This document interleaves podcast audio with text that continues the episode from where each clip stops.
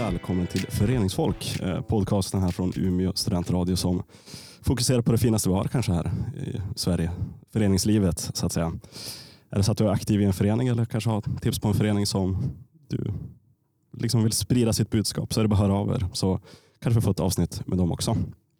Eh, mitt namn är Jonathan Erfström, är journaliststudent och aktiv inom Umeå studentradio och i dagens avsnitt har vi med oss Frida Sjöstedt som är vice ordförande för Sveriges lärarstudenter. Välkommen! Tack så mycket. kanske vill presentera dig själv lite kort bara. Ja, men det kan jag väl göra. Eh, jag heter Frida Sjöstedt och eh, jag pluggar just nu år fem, sista terminen på ämneslärarprogrammet här i Umeå. Och jag har varit vice ordförande för Sveriges lärarstudenter. Då. Eh, ja, vi är en nystartad förening. Mm. Vi är två fackförbund som har slagits ihop. Så att jag har varit vice ordförande där sedan start nu i januari men i Lärarnas riksförbunds studerandeförening innan sedan februari förra året. Jag har även varit aktiv på lokal nivå sedan 2019. Just det. Men vad, vad är Sveriges lärarstudenter för något? Alltså vad är för någonting? Vi är fackförbundet för alla Sveriges lärar och syvstudenter.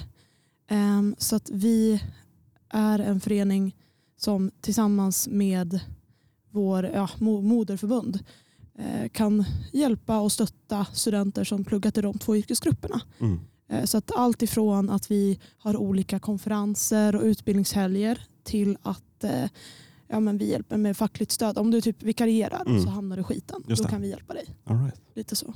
Just det.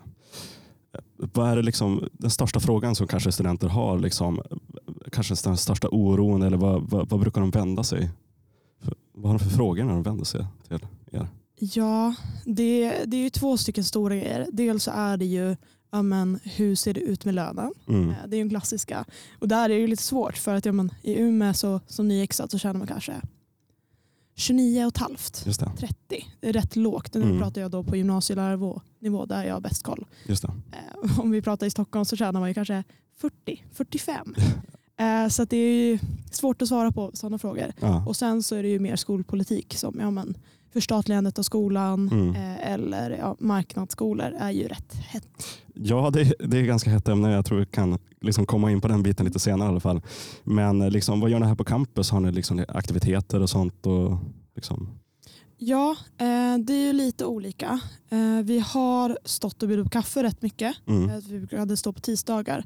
Just nu så har vi dock inget sätt att transportera vår kaffevara. Okay.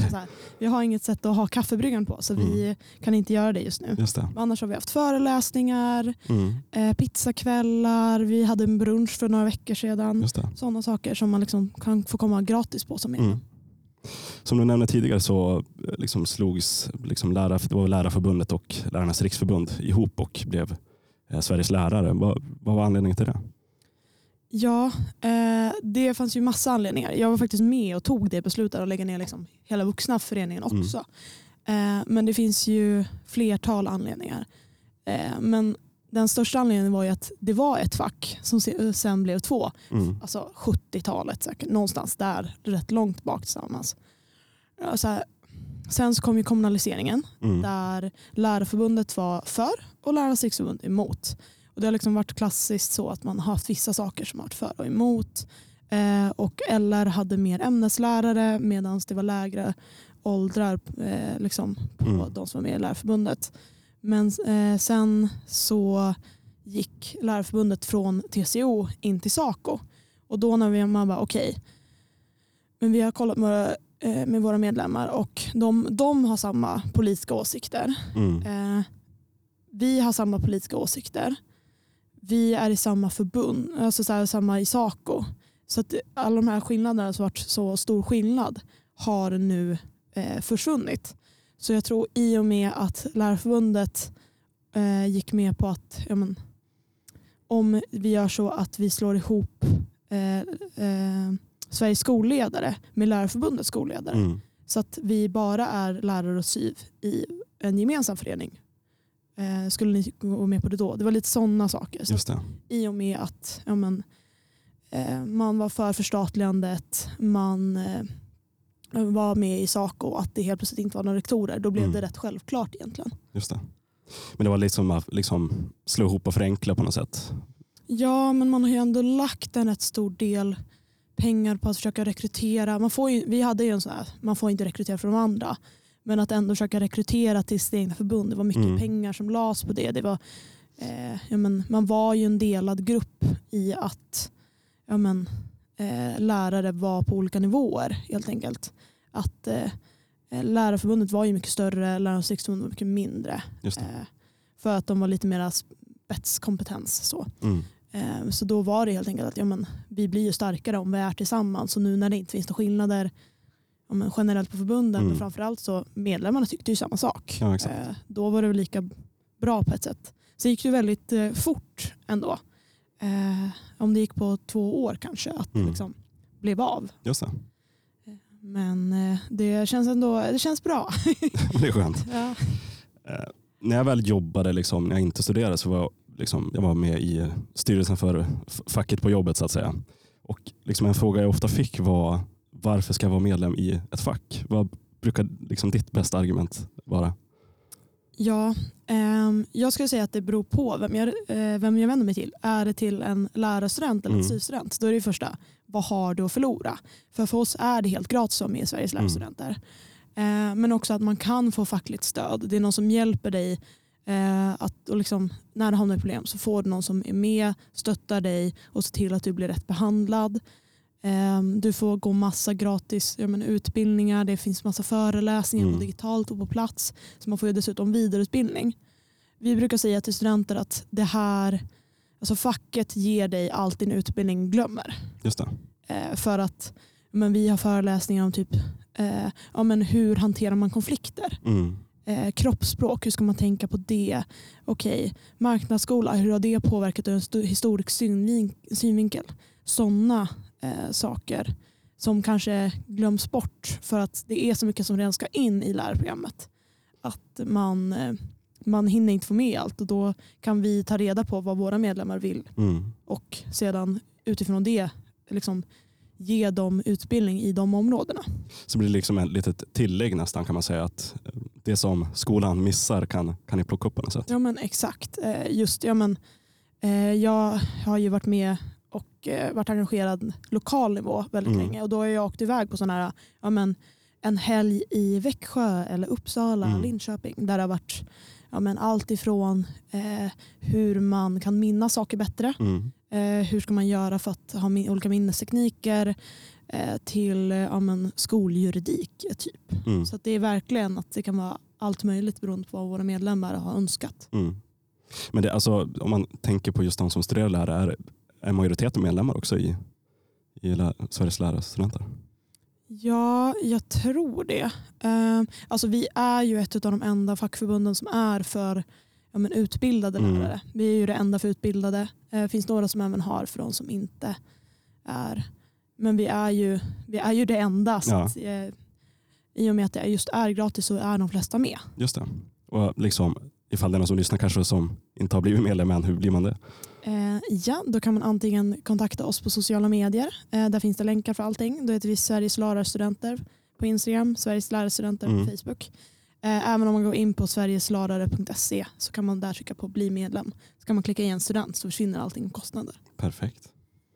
Jag tänkte just, vad är det för liksom, värld framtidens lärare kliver in i? De som nu går ut. Hur ser, hur ser skolvärlden ut? Ja, den är ju blandad så att säga. Ehm, det känns som att det är en av de saker som diskuteras mest kanske i samhället. Mm. Eh, vilket kanske inte alltid är positivt. Nej. Men det är ju en rätt hård värld. Eh, Det är, för många kanske det blir lite av en käftsmäll nästan. Mm. Eh, Just för att man kommer ut i en värld där det handlar om att gå i vinst. Där Mm. det handlar om att försöka bespara så mycket som möjligt.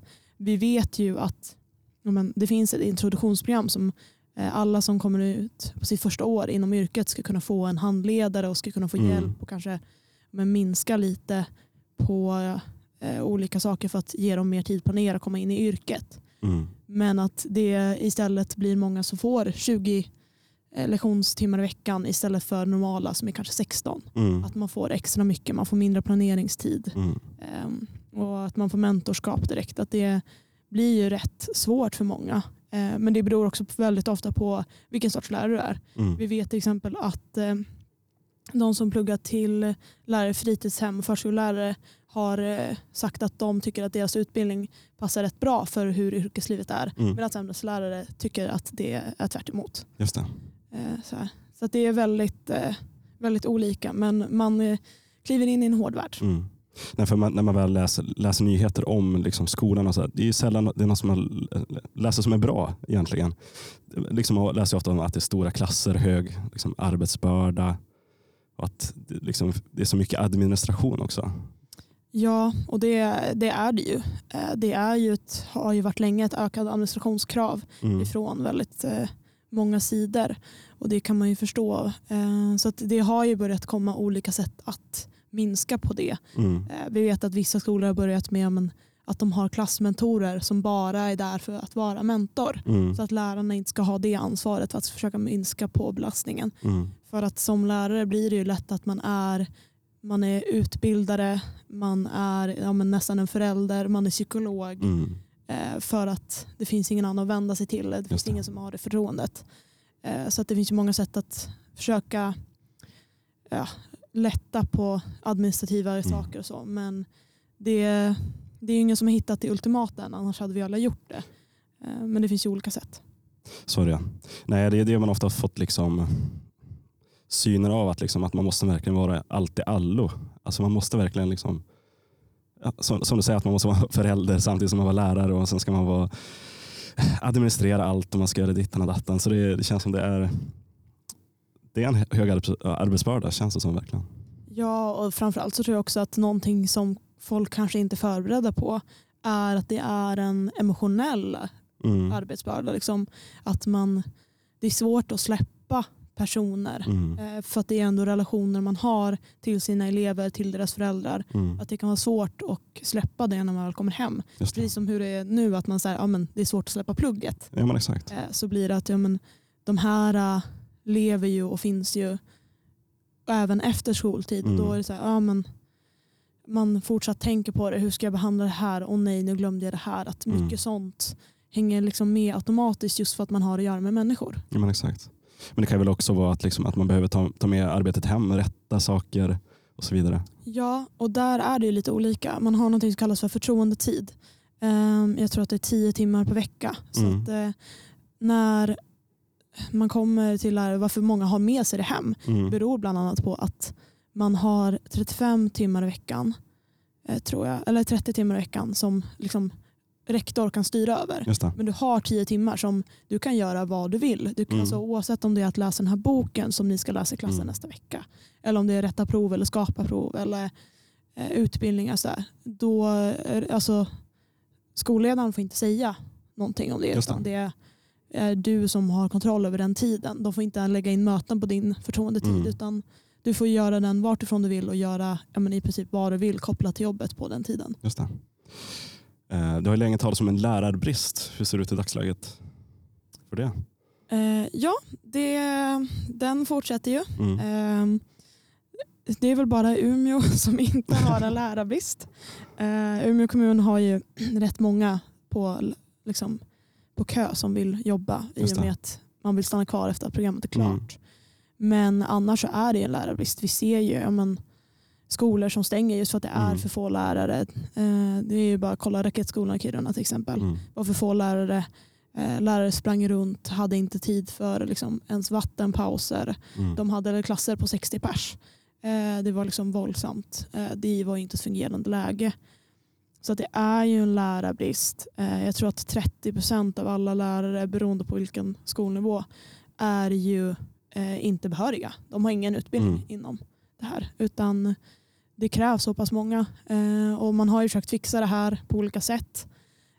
Genom att det ska finnas mer plats på lärarprogrammet. Jag kan väl personligen tycka att det spelar ingen roll hur många platser man har på lärarprogrammet när inte folk söker det. Nej. Så. Det, är, det är ju på den nivån att det är ju väldigt många platser som står tomma. Mm. Men det- alltså det största problemet är att locka folk att läsa till lärare överhuvudtaget. Det är ju väldigt svårt. Det är, eh, det är, ett, liksom, det är en lång linje. Eh, Man vet att eh, på lägre åldrar, typ förskoleklass, då går du back på att plugga. Mm. Hade du bara jobbat från början så hade du gått plus i och med studielånen. Mm. Och jag tror att ja, men gymnasielärare om de går 2% plus. Liksom. Mm. Så det är ju just för att det är en sån lång linje eh, som för slitigt jobb att Mm. det även är att man ser att nyexaminerade lärare, det tar 5-6 år, sen Mm. slutar de, de byter bransch. Mm. För det funkar inte, det är inte hållbart för dem. Mm. Varken med arbetsbörda eller med eh, ja, men, emotionellt mående, med arbetsmiljö. Sådär. För att liksom locka in liksom, så att fler ska läsa till lärare, vad, vad tror du att man behöver göra? Är det att man ska liksom förbättra lön och arbetsvillkor? Är det det som är det viktigaste? Ja, till, jag tror att, för att vara ärlig tror jag att det främst är arbetsvillkoren som Mm. är det viktiga. För att man kan säga vad man vill med lön och det, alltså det är såklart det är jätteviktigt. Man måste få en lön som är rimlig mot ens utbildning. Men är det så pass dålig eh, men arbetsmiljö att man inte stannar kvar i yrket Mm. eller att man efter VFU är så här, nej men det här kommer jag inte orka med. Då kommer man ju inte stanna kvar sen heller. Men jag tror också att det finns en status som gör att eh, men man söker inte in på lärarprogrammet. Det är inte populärt. Det är lätt att komma in. Det är, alltså, det är inte en statusutbildning direkt.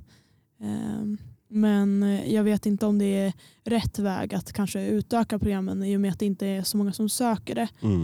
Eh, Men jag tror att förbättrad arbetsmiljö och eh, ja, men, att få kanske upp statusen på yrket på andra sätt och få upp respekten Mm. är vägar att gå. Men sen hur man ska nå det, det är ju den stora frågan. Det är frågan som alla liksom jobbar på. Mm. Men liksom, om man väl kollar på de som väl studerar, liksom, vad har de för utmaningar liksom, i studielivet? så att säga? Är det, är det många som hoppar av och sånt där mitt i, mitt i programmet? Ja, det är det ju. Jag tror att om det är 50 procent som hoppar av. Det är så pass? Ja, det är ju återigen beroende på utbildning. Så. Såklart. Eh, Det finns ju 27 lärosäten tror jag i Sverige som har ett sorts lärprogram. Mm. Eh, Så det finns ju väldigt många olika som alla gör det på olika sätt. Bygger upp det på olika sätt eh, och har olika avhoppsgrad och sådär. Mm. Eh, Men jag tror att det är väl runt 40-50 procent som hoppar av i snitt. Eh, Och det är väl dels att det blir en käftsmäll när de väl kommer ut på VFU. Mm. Får man, för vi har ju eh, på VFU, det som skiljer från praktik är ju att dels att det är en del av utbildningen. Man har en handledare, man får ta CSN under den här tiden. Det är liksom saker du måste klara av för att få komma ut i arbetslivet sen Mm. med en examen. Ehm, Men får man en dålig handledare då blir det ju eh, även det en käftsmäll. Jag, men, jag har ju haft egna kompisar som men, de eh, åkte på VFU, hamnade på en skola och deras lärare var så här, ah, nice, vikarie. Åkte till Thailand i tre veckor. Oj. Eh, Sådana skräckhistorier har man ju och det är ju inte så att man då känner när man blir ja, men, gratisarbetare i princip Mm. att man känner åh, ja kul. det här blir bra. Ja, Eh, Att man känner det här trygga stödet och uppbackningen. Det är ju det man då saknar. just det. Eh, Så det, det är, VFU gör ju så att många kan hoppa av för de känner att oj det här var inte rätt. Nej, exakt. Men sen tror jag också att eh, det är vissa saker som är, är väldigt lätta och vissa saker som är väldigt svåra. Här i Mm. Umeå till exempel, så första terminen är känd för att vara lite lugnare. Just det, men man kommer in i studentlivet, Mm. man ska, eh, man ska liksom komma in i rutiner, lära känna campus. Det är mycket som händer runt omkring så den kanske inte är den svåraste. Nej, just det. Men att när sen ämnesstudierna börjar termin två, att väldigt många är så här, oj, Det här var mer än vad jag trodde. ja, men alltså, man får säga vad man vill, men lärprogrammet är inte lätt. Nej, nej. Eh, Det är, framförallt ämnesstudierna, det är ju precis som om vilken annan linje som helst. Ja, men man vet att ingenjörerna har en aktivt lagt in en någon sorts mattetenta för att då Mm. får vi bort de som inte är här seriöst. Eh, och sådana saker har ju även lärprogrammet på ämnesstudierna. Mm. Att, ja, men det kommer grammatik eller historia. Att det är väldigt mycket som ska in på kort tid. Är det för låga krav för att bli lärare tycker du? Ja, men det skulle jag säga. Eh, absolut. Eh, det finns ju lite olika sätt att se på det. Eh, men eh, vissa tycker att man måste ha ett sätta som ett C som lägsta betyg i det ämne man ska utbilda sig i. Så att Mm. du måste ha det på gymnasiet för att få utbilda dig som lärare i sen på universitetet. Mm. jag själv vet inte riktigt hur jag känner. Jag ser ju att det skulle nog vara smart men jag vill ju också ha den här äh, tron i att det viktiga är inte vad som kommer in på universitetet Mm. utan vad som kommer ut. Eh, att ja, det finns sådana sätt. Eh, sen man får ju ha personlighetstester som man har på polisprogrammet. Mm. Alla universitet får ju ha det även på lärarprogrammet. Men som jag har förstått det så måste universiteten stå för sådana eh, prövningar själv och därför gör de inte det för att man, ingen vet riktigt hur de ska se ut. Man måste lägga pengar på det. Eh, Så att jag skulle väl vara försiktig, alltså försiktigt optimistisk till ett eventuellt personlighetstest som har i Finland. De har det på polisprogrammet, sådana psykologtester. Ja, för att det är väl regeringen som vill liksom att man ska, som, som du sa, att man ska ha minst C i, i, i det ämne man ska utbilda, utbilda i och även det här med att de vill införa obligatoriska lämplighetstester som jag förstår det. Ja, eh, och det, det är försiktigt optimistisk på båda. Mm. Eh, För jag tror ju att eh, C-kravet till exempel, det skulle nog göra att avhoppen kanske blir färre för att man behöver nog kunna rätt mycket, ha rätt mycket grundkunskap för att klara sig rätt Mm. bra eh, i, eh, på ämnesstudierna. Så. Men samtidigt så kommer man, ja, man kommer nog få mycket färre bra lärare men samtidigt kanske man får fler som stannar kvar på programmet. Det. Men det kanske också blir ett problem att eh, har man väl svårt att liksom, locka folk att läsa till lärare så kanske det blir ännu svårare om man väl stoppar dit fler tester eller? ja, och det finns ju en sån farhåga. Samtidigt så vet vi ju att det är ju inte för att det finns Alltså, läkarprogrammet är ju inte Mm. populärt för att, det finns, för att det är svårt att komma in. Alltså. Eh, det är ju snarare så att är det lätt att komma in så finns det väl kanske en tendens till att man tycker att det är låg status för att det är för lätt. Mm. Eh, och det är väl likadant att det är något som drar upp statusen för vissa yrken för att det är svårt att komma in, det finns få platser. Mm. Ja, men, eh, vissa medieutbildningar, eh, eh, psykolog, Mm. läkare. Så. Så att det kan väl finnas nästan Ibland kan jag känna det att det kanske skulle vara färre utbildningsplatser Ja. som skulle vara lite ett svar på det. Men det, det går, kan man ju inte heller ha för att Nej. vi behöver ju så pass många att vi måste fylla fler.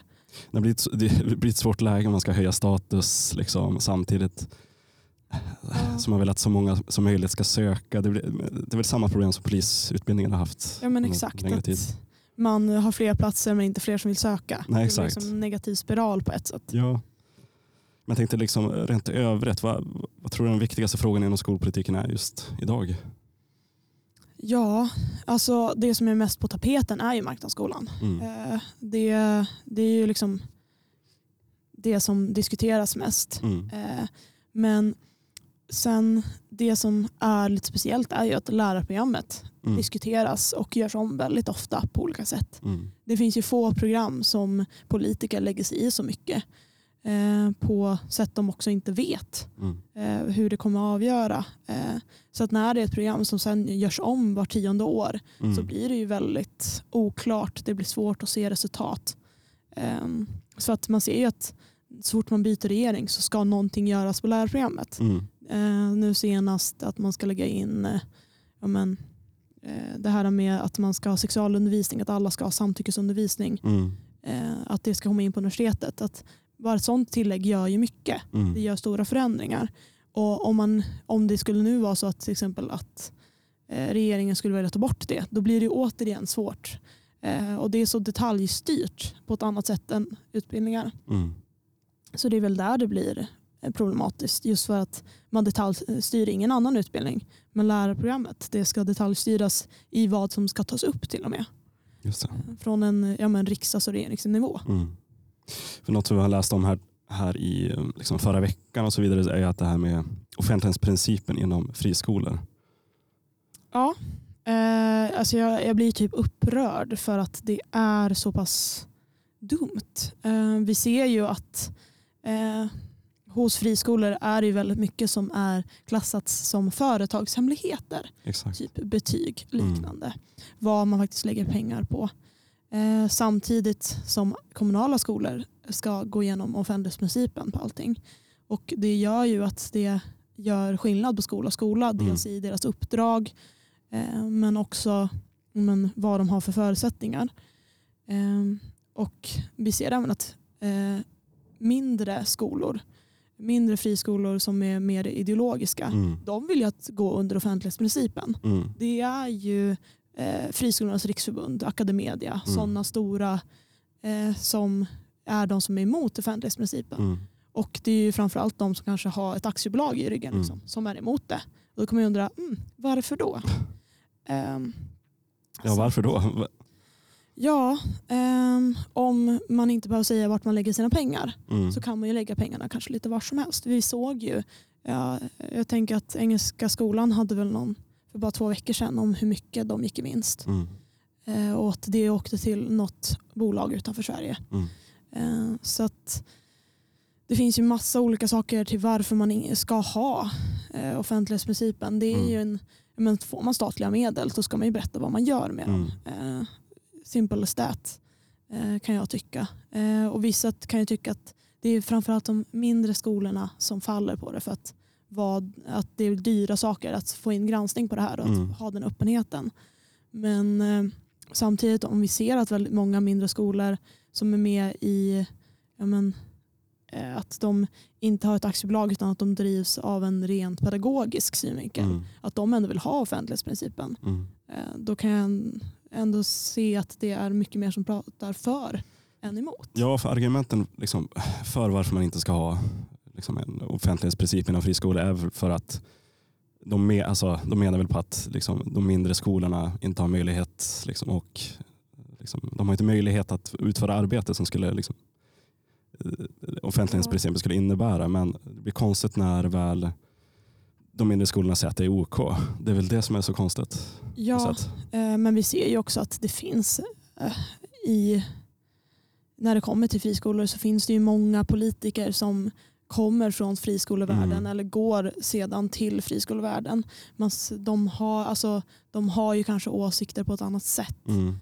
Ehm, och att eh, de ser väl andra för och nackdelar kanske på ett privat plan just för de som står Mm. bakom aktiebolagsskolor. Mm. Eh, så att det är där eh, jag kan tycka att ibland att man ser att det är de som kan tjäna pengar på det som Mm. pratar eh, för att inte ha en offentlighetsprincip. Men samtidigt ser vi också att de vill föra in något nytt som ska funka ungefär likadant. Men Det är väl insynsprincip de Ja. pratar om istället. eh, exakt, men man vet inte riktigt hur, Nej. när eller på vilket sätt eller vad det faktiskt betyder. Man säger att det ska finnas en insynsprincip men ingen vet vad det är. Nej. Nej, det är väldigt spännande. Och som du sa, att, liksom att eh, politiker som väl kommer från en friskolevärld, där har vi ju skolministern som exempel. Ja, eh, det, alltså det, det finns ju på så olika plan. Dels så har vi en minister som blev vald när hon satt Mm. i styrelsen eller så här, ledningen för en skola. Vi har eh, vår statsminister delar väl sommarstuga med en som är Mm. med i ett sånt här bolag.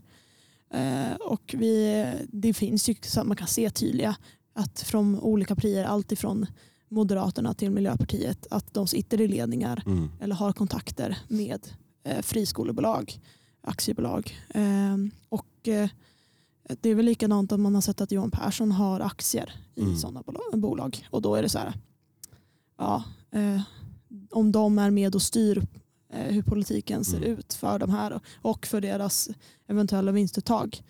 Då kan man ju, om de själv blir personligt påverkade av att de har intressen i den här Mm. frågan.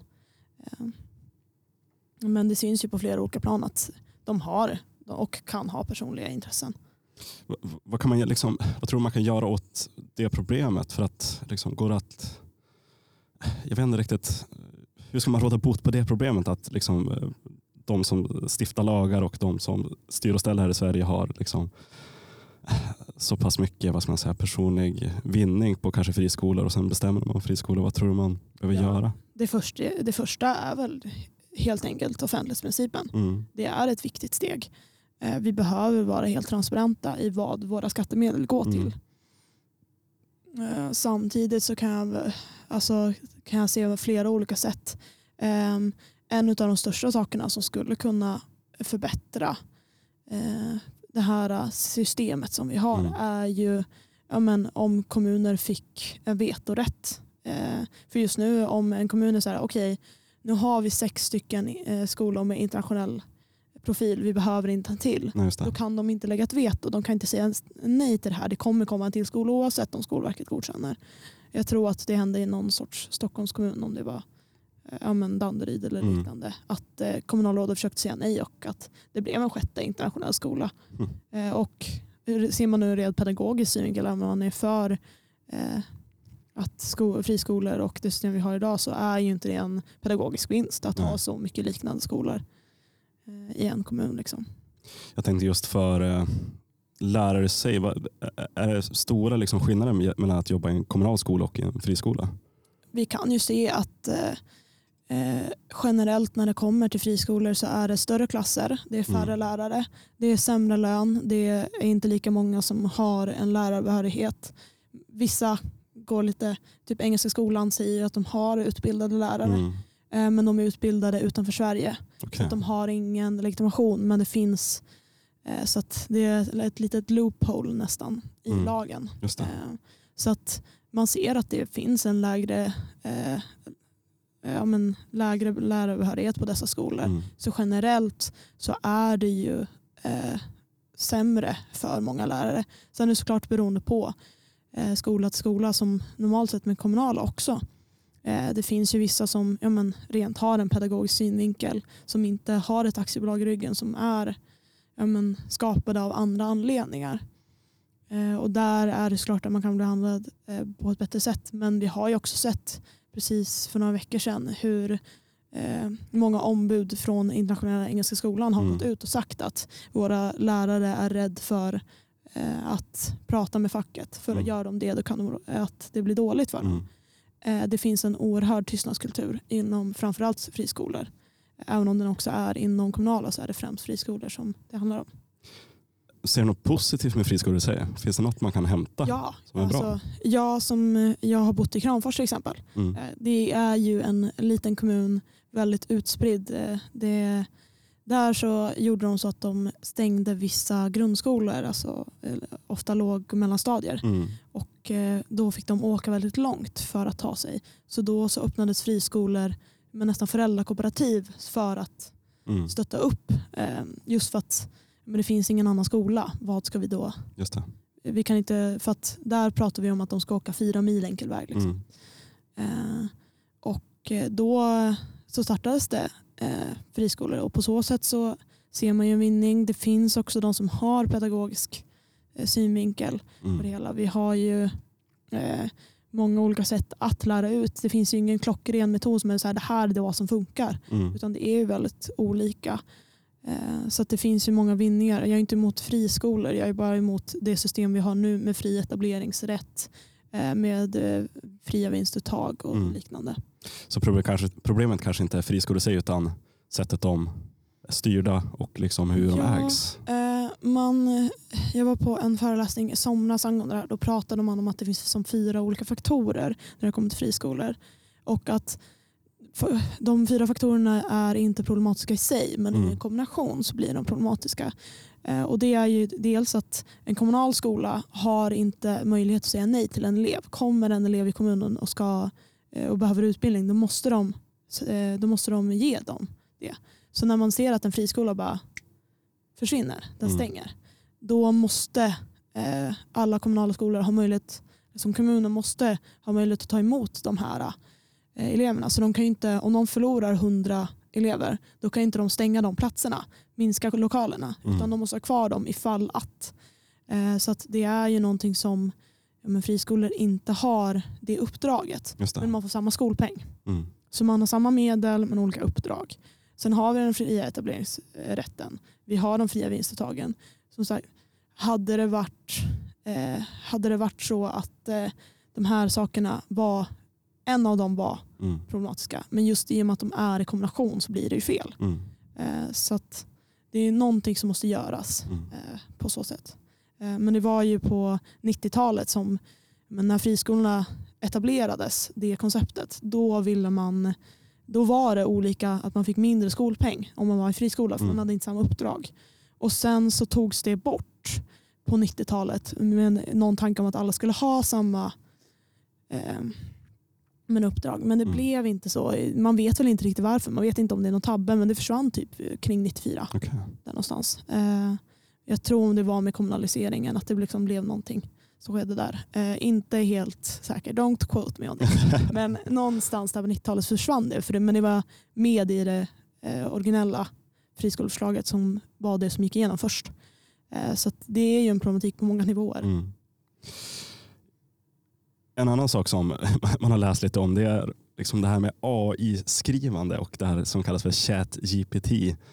Där egentligen man kan, eh, man kan få en AI-robot att skriva kanske sin uppgift i skolan för sig. Mm. Tror du det kommer bli ett risk liksom här framöver för lärare att liksom, vad är det som är skrivet av elever och inte? Både ja och nej. Eh, jag ser ju hur det är problematiskt. Alltså, det kommer ju kanske göra att man inte kan skriva uppsatser på samma sätt. Som Mm. Man kan inte använda datorer i skrivandet utan kanske behöver gå tillbaka till penna och papper.